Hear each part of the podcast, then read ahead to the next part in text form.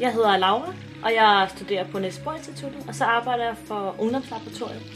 Øh, på Ungdomslaboratoriet inviterer vi gymnasieelever på besøg til at øh, prøve at lave nogle, for, nogle laboratorieforsøg.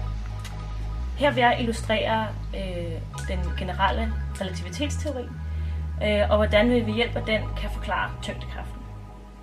Så hvis vi forestiller os, at det her er et solsystem, hvor vi har en sol med en stor masse i midten, og nogle planeter med mindre masser, der cirkulerer rundt om. Einstein sagde, at, øh, at alle masser laver krumlinger i rummet, og at øh, det så er den krumling, som masserne bevæger sig efter. Det vil altså sige, at hvis der er en stor masse, laver en stor krumling i rummet, og de små masser vil bevæge sig i den krumling.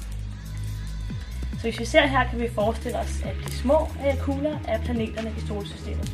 Vi kan også se, hvordan sådan en krumling vil øh, forårsage en ellipsebevægelse, og det svarer jo til, hvordan planeterne bevæger sig i solsystemet. Det skal siges, at øh, vores startsbetingelser her ikke er helt det samme, og der er noget friktion, der gør, at, øh, at farten på planeterne vil, øh, vil øh, blive bremset, og dermed så til sidst kollapse i med solen. Det sker ikke i virkeligheden, bare roligt. Der er andre forhold i rummet. Øhm, det Einstein også sagde, det var, at øh, tid og rum er to sider af samme sag, og at masse og energi også er to sider af samme sag. Hermed vil en krumling af rummet, som vi ser her, ser her også betyde en forvrængning af tiden.